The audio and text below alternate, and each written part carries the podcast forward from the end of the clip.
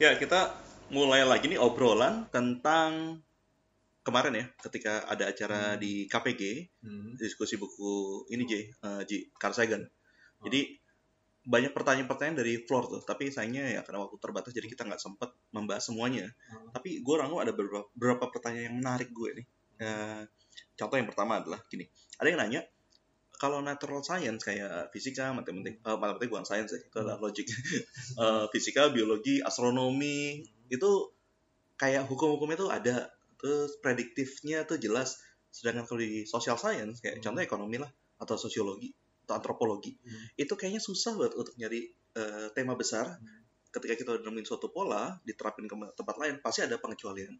Menurut Hmm. lo kenapa sih itu susah? Ah, ya kita ngobrolin singkat aja ya. Hmm. pengalaman lu kalau misalnya ngelihat tentang social science atau misalnya lu J, lu kan pernah belajar filsafat sebentar ya Oh, iya. atau lama lah. Oh. Gimana Ah. sih? Halo para filsuf di sebelah. ya, gimana gimana J? Uh, Sebenarnya gue lebih melihat kalau semakin pure ilmunya, contohnya adalah bahwa gue melihat bahwa fisika itu sangat foundational gitu. Nah di atas itu mungkin Fundamental ya biology. berarti fisika Iya, ya. Fisika. Jadi mungkin fisika akan lebih mudah dibanding biology untuk menjelaskan kompleksitas. oke. Nah, dan pada bentuk yang lain antropologi itu adalah keterkaitan banyak banget cabang-cabang sainses yang lain contohnya ya mungkin kita bisa jelaskan fenomena antropologi dengan dengan membawa biologi di dalam sana tapi juga ada interaksi manusia di sana jadi juga harus menjelaskan itu dari aspek psikologis dan segala macam jadi mungkin akhirnya pada satu perspektif itu nggak bisa diimplementasi di tempat yang lain gua Iya berarti kalau misalnya gue Hmm. coba ringkas itu Hmm. adalah eh, variabel ya. betul Bisa jadi jumlah variabel, bisa juga gimana variabel itu exactly. eh, mempengaruhi var- variabel yang lain. Berarti kalau misalnya kita bayangin ya, kalau fisika Hmm. ambillah hukum atau kita menentukan ga forces atau gaya di antara dua dua masa kita tinggal butuh masa satu masa dua Mhm. jaraknya Jaraknya dan mungkin. konstantanya kita dapat ya.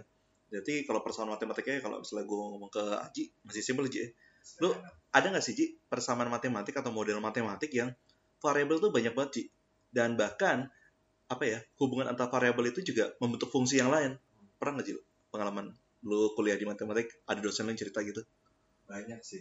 Contoh gimana Ji? Contoh waktu itu gue nemuin di sistem persamaan sih non linear itu biasanya di pada sistem persamaan non linear itu pertama eh, dia kan untuk kita nyari solusinya di situ kita kayak melinearisasi dulu lah si sistem yang awal ini. Hmm. karena kita tahu untuk memprediksi pada sistem non linear oke oke. itu akan sulit lah.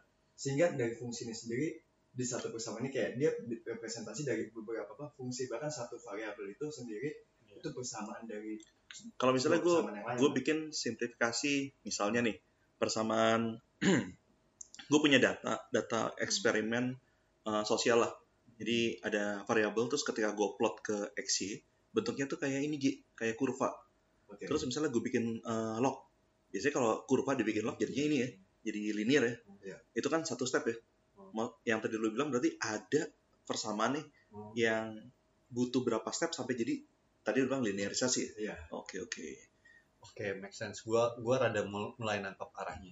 Bahwa ketika kita ngomongin antropologi, variabelnya nah. cukup banyak untuk kita untuk kita cek.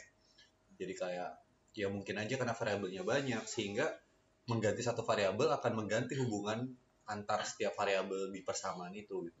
Jadi makin sulit lah untuk kita melakukan prediksi terhadap Hmm. bidang-bidang lain yang makin kompleks interaksi terhadap variabel-variabelnya. Apa benar kayak gitu atau ya itulah yang yang gue pikir agak ini ya di di diskusi juga kita kita berusaha menjawab dengan hati-hati karena ya gue dengan narasumber Mbak Viva juga merasa kita kan berdua dari natural science. Hmm. terus kita juga membatasi diri untuk tidak agak masuk ke ranah yang bukan bidang kita. Hmm. cuma mungkin buat buat beberapa audiens kayaknya wah harusnya bisa dijawab dong gitu. Nah inilah yang biasanya kalau gue apa ya kayak keterbatasan kita dianggap sebagai ketidaktahuan itu ya betul sih kayak kata-kata terkenalnya Wittgenstein Hmm. gimana coba Iya, bahasamu adalah batasan dari pengetahuanmu, right? jadi ya emang sih ketika kita tidak melakukan penelitian social science Hmm. kita nggak bisa serta merta Hmm. bilang bahwa ini akan lebih ribet tapi kita mencoba eh, kelihatannya lebih ini ya lebih lebih banyak variabel Hmm. nah ini gue ada ada cerita dikit yang si Jared Diamond kan sering banget tuh di- dia dikritik sama orang-orang antropologi kan Hmm. karena dianggap wah lu terlalu simplistik lo Hmm. lu kan eh, dasarnya ahli burung masa komunitas eh, manusia dianggap sebagai kayak komunitas burung gitu Hmm. atau ketika dia ngomongin tentang determinisme geografis masa sih manusia nggak bisa berperan dalam menentukan nasib mereka sendiri gitu Hmm. walau Jared Diamond udah udah mulai memasukkan faktor manusia pilihan manusia untuk survive atau enggak di buku keduanya ya yang Hmm. kayak triloginya uh, Hmm. Gungeon Man Steel terus dilanjutin sama Collapse tapi itu pun nggak cukup tuh Hmm. kalau gue baca-baca kritik-kritiknya dari Jared Diamond ya dia dia dihajar habis-habisan sama orang antrop Hmm. ya gue sendiri bukan bukan dari bidang gue antrop ya gue nggak bisa menilai apakah apakah Apakah itu valid atau enggak? Ya, eh, valid atau enggak nah itu itu pertanyaan yang menarik di Hmm. di situ sih. Oke, kita lanjut nanti di set- setelah ini. Pertanyaan-pertanyaan apa lagi yang kira-kira menarik. Tapi kalau misalnya gue mau coba Hmm. uh, rangkum ya Hmm. dari BJ, kayak tadi, kita tuh nggak mungkin ngelihat social science sama seperti natural science aja, Hmm. karena variabelnya banyak. Hmm. Aji udah menggambarkan juga kalau misalnya interaksi antar interaksi antar variabel, jadi antara suatu suatu fungsi diubah jadi linear ya. variabel. Ke- kenapa sih gue gue agak penasaran deh kenapa ketika ada suatu fungsi yang bukan linear diubah menjadi fungsi linear ya paling gampang adalah kalau kita y sama dengan mx plus c ya fungsi Ya. linear menurut lu kenapa lebih mudah Ji? pertama sih sebenarnya kita ngomongin dulu pada persamaan ya Oke. Ini persamaan sama fungsi lah. Hmm. ya kalau kita langsung masuk terus pada persamaan yang kita cari adalah x nilai kan? Ah, ya, Ya. kita cari nilai dari variabel. Variabel yang nggak diketahui kan? Ah. nah di sana. Yang sehingga kita cari solusi. Nah pada sifat-sifat non linear persamaan non linear Hmm. itu kita sulit. Karena titik penyebaran itu nggak nggak statis di random ya? Random. Oke. jadi kita nggak bisa memprediksi. Kalau kita bikin best of it gimana Ji? best of it line lah. Itu nggak menolong juga ya ya sebenarnya linearisasi seperti itu. Oke, oke, oke. Gue ada gue titik gue ini.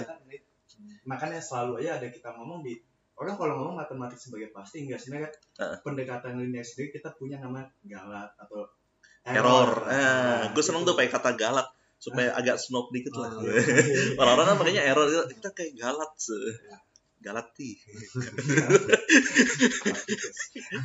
Oke oke berarti ini buat buat eh, yang dengerin kita Hmm. kalau misalnya bayangin dia ada ada grafik XY terus plotnya tuh ran, kayak agak Ya, random aja ya. ya. Nah, Terus kita eh, ambil base of it line ya. Ya. Tapi kan base of it itu diusahakan setiap titik perpendikular sama Ah. itunya hampir sedikit Mendekati, mungkin ya. Mendekati, Nah, ya. itu juga itu J ya, yang apa sih? Orang-orang data science tuh selalu berkutat di masalah itu kan. Hmm. Ketika ada data, yang Lu mau- ternyata sebarannya beda Iya. banget apakah ada- kurva, apakah Betul. apa linear ya? Atau polinom banyak sih Ah, atau bahkan kita juga, atau bahkan kita juga sampai nggak mungkin untuk melakukan pendekatan terhadap data itu gitu. Karena datanya yang sangat random sebarannya Hmm. sangat banyak. Ya. Walaupun udah udah udah dengan nga- apa Nah, ngusir-ngusirin ya, penci- nah, pencilan tuh. ya ngusir-ngusir pecilan data-data yang mungkin salah. Heeh. ya tetap ada ada random di sana ya. Ya sebenarnya kalau Ah, kita bagi ke model itu sendiri Hmm. kita bahkan nggak bahkan lebih mudah nggak mudah juga. Mudah untuk memodelkan sesuatu ketika kita sebenarnya udah membaca polanya sih exactly ketika sesuatu udah pola kita Hmm. kayak udah bisa oke sebenarnya Hmm. kita tahu ada variabel apa aja yang berikan ke sana itu yang gue tangkap dulu sempat nonton juga kalau nggak salah di TED bahwa mathematics itu sebenarnya lebih kepada ilmu tentang pola exactly Ya. right Ma- Mm-mm. science adalah adalah ilmu yang berusaha untuk mencari pola dan akhirnya language-nya lagi-lagi balik ke matematik Oke oke. Berarti ketika ketika ada suatu fenomena di Hmm. science yang kita belum tahu polanya apa, Hmm. ketika kita udah menemukan menemukan pola, Hmm. berarti kekuatan prediktif bidang Exactly. science itu akan akan meningkat ya. Betul. Selama kita belum nemuin pola, Ah, jadi ya misalnya kita pakai model-model yang berbeda untuk kondisi yang berbeda kan. Hmm. Nah ini gue gua agak agak sedikit melenceng sih ya. Hmm. Karena banyak banyak orang-orang yang bukan dari science nge- ngerasa ya mungkin gue ngeliatnya agak nihilis ya. Hmm. Mereka ngeliat loh, ya kalau emang gak ada pola, ya kenapa misalnya gini. Hmm. eh, contoh Jared Diamond lagi dia ngomongin ada suku-suku di Papua Nugini, Hmm. suku-suku di daerah Siberia, Hmm. di mana lagi ya di Amerika Selatan jelas Hmm. lah ya. Jadi dia melihat apa sih nilai-nilai yang ada di eh, apa modern antara pre-modern society. Hmm. Cuma ini ya jadi titik serangan banyak orang orang-orang Hmm. dari social science itu ngerasa ya lu berusaha mengeneralisasi itu dengan cara science, eh, sorry natural science. Eh, menurut gue maksudnya cara natural science itu adalah cara natural science misalnya gini, lu ngelihat ada persamaan ap- apa di antara satu Oh, exactly. suku tribe satu dengan tribe lainnya. Contoh misalnya di tribe yang satu Hmm. itu ada ada dari ritual Hmm, eh, janda tuh dibunuh Iya. supaya nggak tau gue juga belum harus baca detail di suku lain janda tidak dibunuh Oh, persis Nah. kayak Game of Thrones ya. iya Kalau ya kalau sana kita gitu. kita kita mau ngelihat eh, rasionalisasinya Hmm. misalnya oh kenapa janda dibunuh oh kalau jandanya itu adalah dari raja Hmm. itu mungkin harus dibunuh ya karena Hmm. takut dia menggulingkan anaknya gitu Betul. tapi kalau ada satu suku yang jandanya orang biasa-biasa biasa. aja tapi dibunuh gitu kenapa apakah karena, ada suatu paksaan Hmm. supaya suatu kultur yang emang udah nggak relevan lagi tapi tetap ada di, Hmm. di suku itu.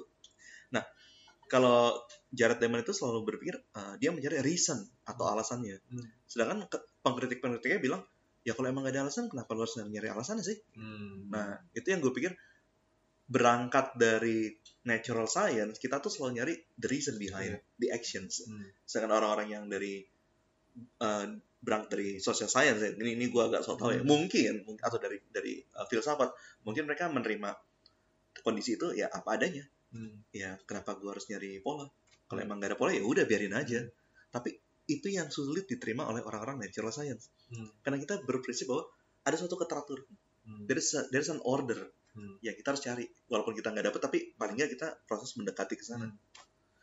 ya gue setuju tadi sih bahasanya adalah matematik Hmm. dan dari sini kita nyimpulin kalau boleh nyimpulin ya Hmm. menurut lu yang paling harus belajar matematik tuh orang natural science atau social science Mat- matematik tidak berarti harus berurusan dan berkutat sama notasi ya. Tapi lagi-lagi keteraturan berpikir gitu. Dan sering kali itu terjadi adalah ketika tadi juga teratur sama pola tertentu. Ya pola lagi-lagi juga ini sangat sangat abstrak sehingga apakah pola itu harus berupa matematis? Ya enggak. Mungkin Aji juga bisa cerita lebih banyak bagaimana matematik bisa hadir tanpa tanpa pola yang simbolis. Tapi tapi kalau yang ngomongin yang tadi gue juga sangat sangat tertarik untuk coba ngomongin satu filsuf yang Oke, siapa- yang siapa menarik itu namanya Popper. Ya, oke Oh, Karl Popper ya Karl Popper. Nah, jadi Popper simple banget dia ketika ketika ketika dia disuruh misalnya gini, yang gue tangkap adalah ketika ada orang yang ngasih klaim ke lo, tapi bahwa klaimnya itu tidak mampu difalsifikasi, artinya tidak mampu lu uji kebenarannya Oke, apakah dia eh. benar atau salah. Ya berarti klaim itu kemungkinan besar ya tidak benar. Sebagai contoh misalnya, bahwa kenapa kebanyakan klaim-klaim di science itu begitu bold sih, yang gue lihat bold banget gitu. Hmm. Kalau di misalnya kayak biology, Hmm. kayak di bukunya Harari yang kita diskusiin Oke, lalu, gitu, ketika dia ngomong bahwa uh, kenapa dia bisa yakin bahwa sapiens itu punya berkerabat dengan chimpanzee dan yang lain itu dan dia bold statementnya bahwa langsung bahwa ini berkerabat ya? ini Oke. berkerabat Ah. itu bold bahwa, bahwa pernyataan itu sangat mungkin diuji kebenarannya harus digaransi oleh Harus sesuatu kan ya? digaransi, oke. betul. Tapi ada juga pernyataan lain misalnya di kalau teman-teman yang pernah yang atau sekarang lagi mendalami psikologi dan kemudian baca bukunya Freud dia juga sering banget ngomong bahwa setiap kali ada masalah terhadap orang secara psikis itu bisa aja selalu aja masalahnya itu adalah masalah ketika dia kecil. Hmm. Atau dia juga sering ngomong masalah Oedipus kompleks kalau nggak salah dia juga Oke, ya, terminologi itu bahwa apa pun masalah lo jawabannya adalah lo punya masalah waktu kecil. Itu kedengeran agak Kedengaran simplifikasi agak nggak sih? iya Iya. agak simplifikasi. Tapi ya yang gua tangkap adalah bahwa kebenarannya itu harus bisa dibuktikan dengan tadi. Oke oke. Pernyataan lah. Artinya bahwa dia adalah dalam satu perangkat preposisi. Makanya ketika ketika misalnya kayak Jared Damon mungkin ngomong bukan Jared tapi Jared Jared Jared ya sama aja. Kita kita, kita lo lidah sawangan gue lidah gandul. Kita rekaman di, di- agak-agak ini di BSD ya. Ya agak inilah ya. Agak-agak elit lah ya. Ya gue ya. sempat ngeliat orang di Twitter gitu terus Jared Jared oke eh, intinya adalah ketika dia ngomong coba melakukan reasoning di belak di belakang kenapa suku yang ini dan suku yang lain ini Oke, eh. tadi itu gue melihat statementnya si Jared itu begitu begitu bold gitu hmm. bahwa jadi kritik pun gampang banget untuk masuk ke sana karena statementnya sangat bold gitu. sementara yang tadi lu bilang bahwa mungkin tidak ada reasoningnya di sana Iya, Ya iya. kalau nggak ada ya, ya tidak ada reasoning pun juga didasari oleh reasoning. Hmm. Ya ini sorry agak sirkular. Tapi ketika dia ngomong ya kalau nggak ada, ya kenapa nggak ada gitu. Maksudnya ini gue gue ngeliatnya dari sisi ini sih, Hmm. gue balik ke Aji, kayak tadi gue tertarik banget sih sama persamaan karena Hmm. ketika gue ngejar matematik itu ada bab uh, permodelan matematika. Hmm. Jadi ini yang gue suka di di level ada ada data nih, data percobaan apa pun lah, data percobaan ketika lu lempar uh, gelas ke ke atas membentuk gerak parabola Hmm. atau bahkan ketika peluru ditembakin dari bulan ke ke, ke bumi imajinatif ya. Dan itu menghasilkan data gitu. Dan data-data itu di- di- diminta sama soalnya coba plot plot dulu deh. Yang pertama plot X-nya simple. Plot aja apa adanya. Terus lihat data gimana. Terus dibilang suruh kasih garis base of fit. Jadi kan kayak ada yang uh, kurva, ada yang poli yang lu bilang tadi polinomial gitu. Nah, terus uh, tugas kita adalah kalau di situ kan karena karena soal ya. Jadi lu bikin jadi kayak linear.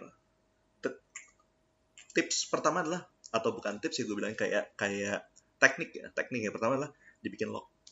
Dibikin log bahkan jadi y, y sama mx plus c kan Hmm. Misalnya eh, misalnya ada suatu persamaan r sama dengan k dikali d pangkat n terus y nya jadi log y terus log k ditambah log d pangkat n kan. N nya bisa maju ke depan kan.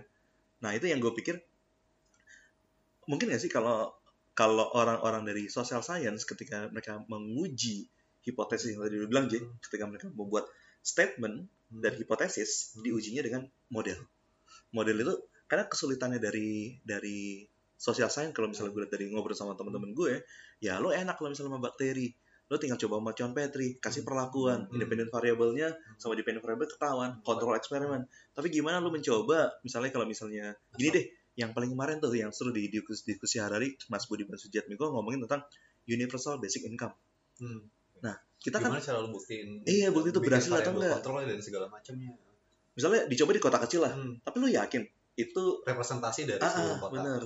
Dan bisa jadi faktor-faktornya beda kan ya Hmm. dan uh, kalau misalnya kesimpulannya gagal atau nggak gagal parameter gagalnya apa Hmm. itu nah itu yang yang kalau misalnya nih ada ada model matematik yang yang yang bisa bisa dipakai dengan tidak usah kita nyoba itu ke society society tapi misalnya gue bayangin gini nih ini ada ada suatu society atau ada suatu komunitas lah ya Itu sebenarnya utopianya mathematician. nah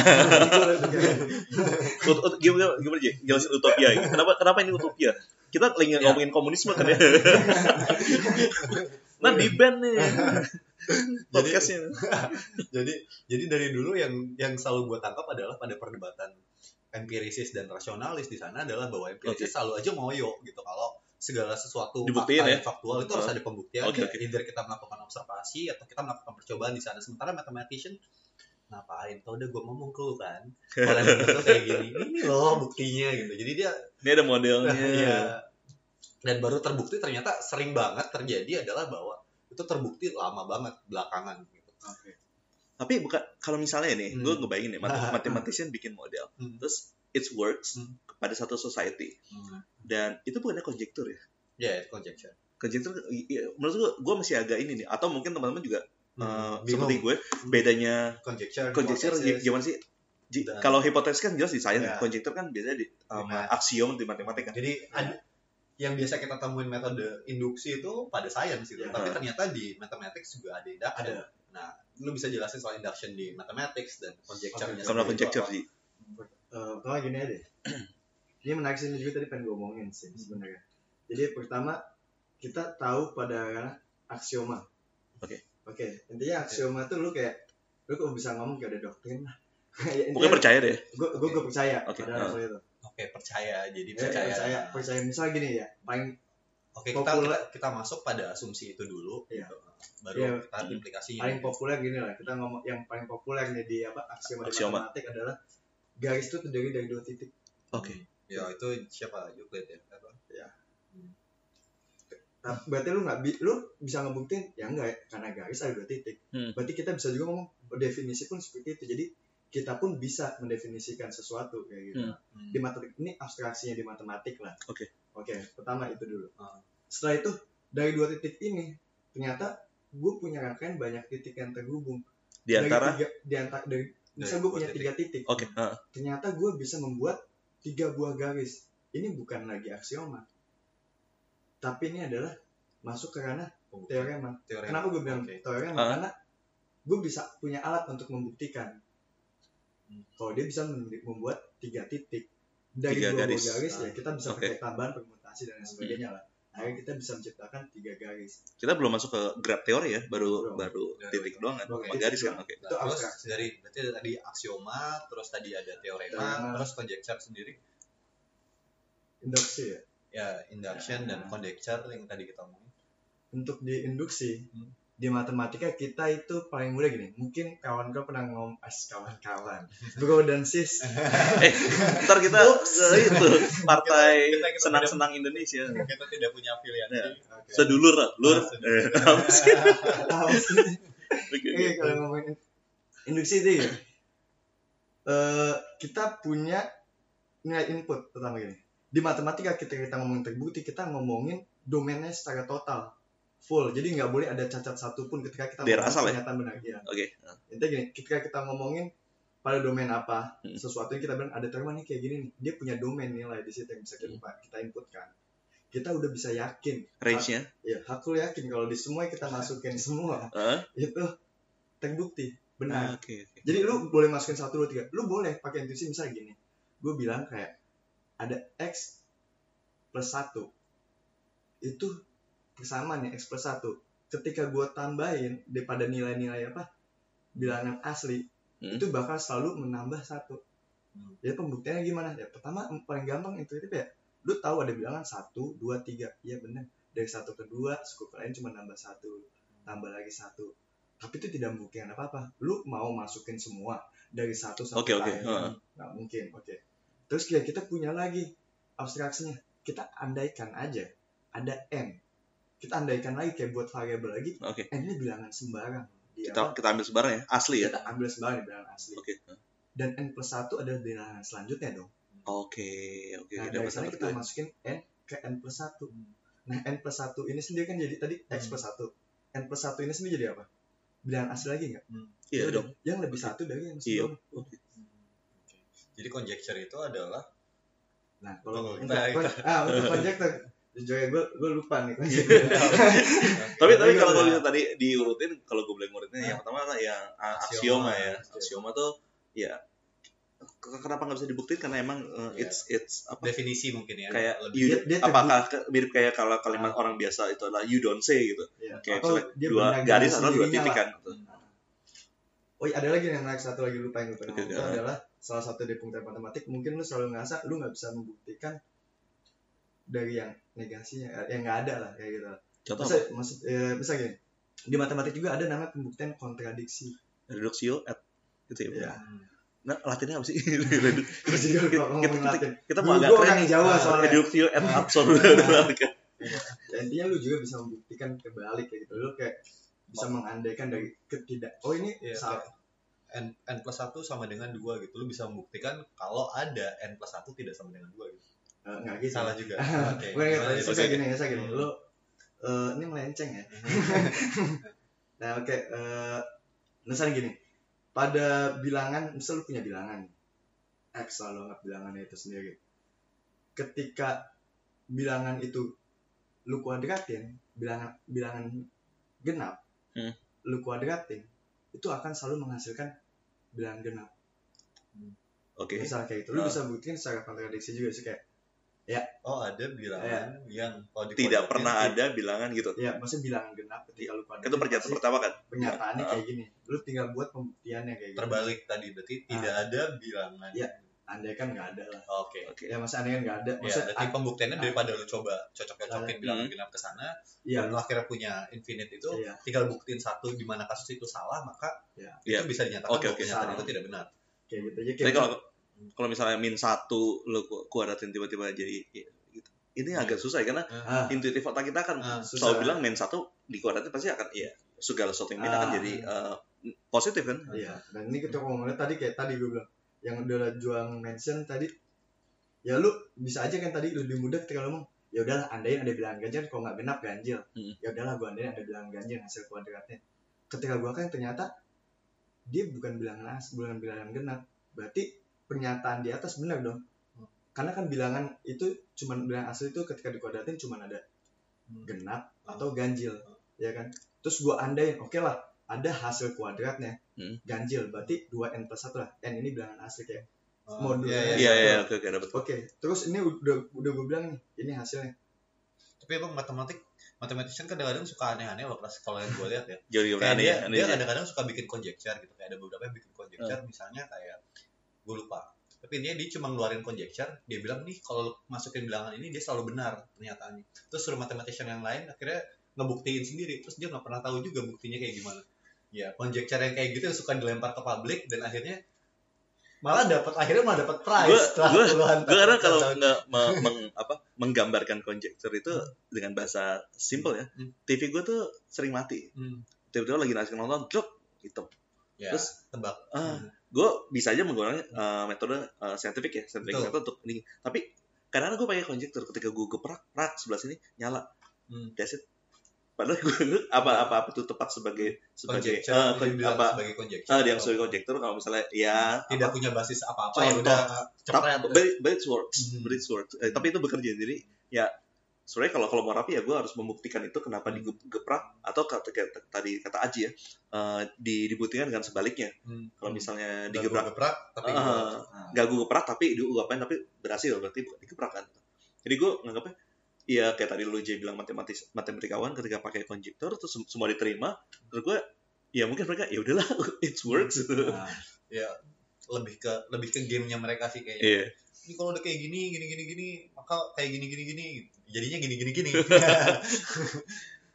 Oke jadi eh, kita rada-rada melenceng. Tadi kita ngomongin di sampai pada tapi tema besar sih gue pikir nah, dapat dapat ya. Heeh. karena tema besarnya adalah social science dan natural science kan. Hmm.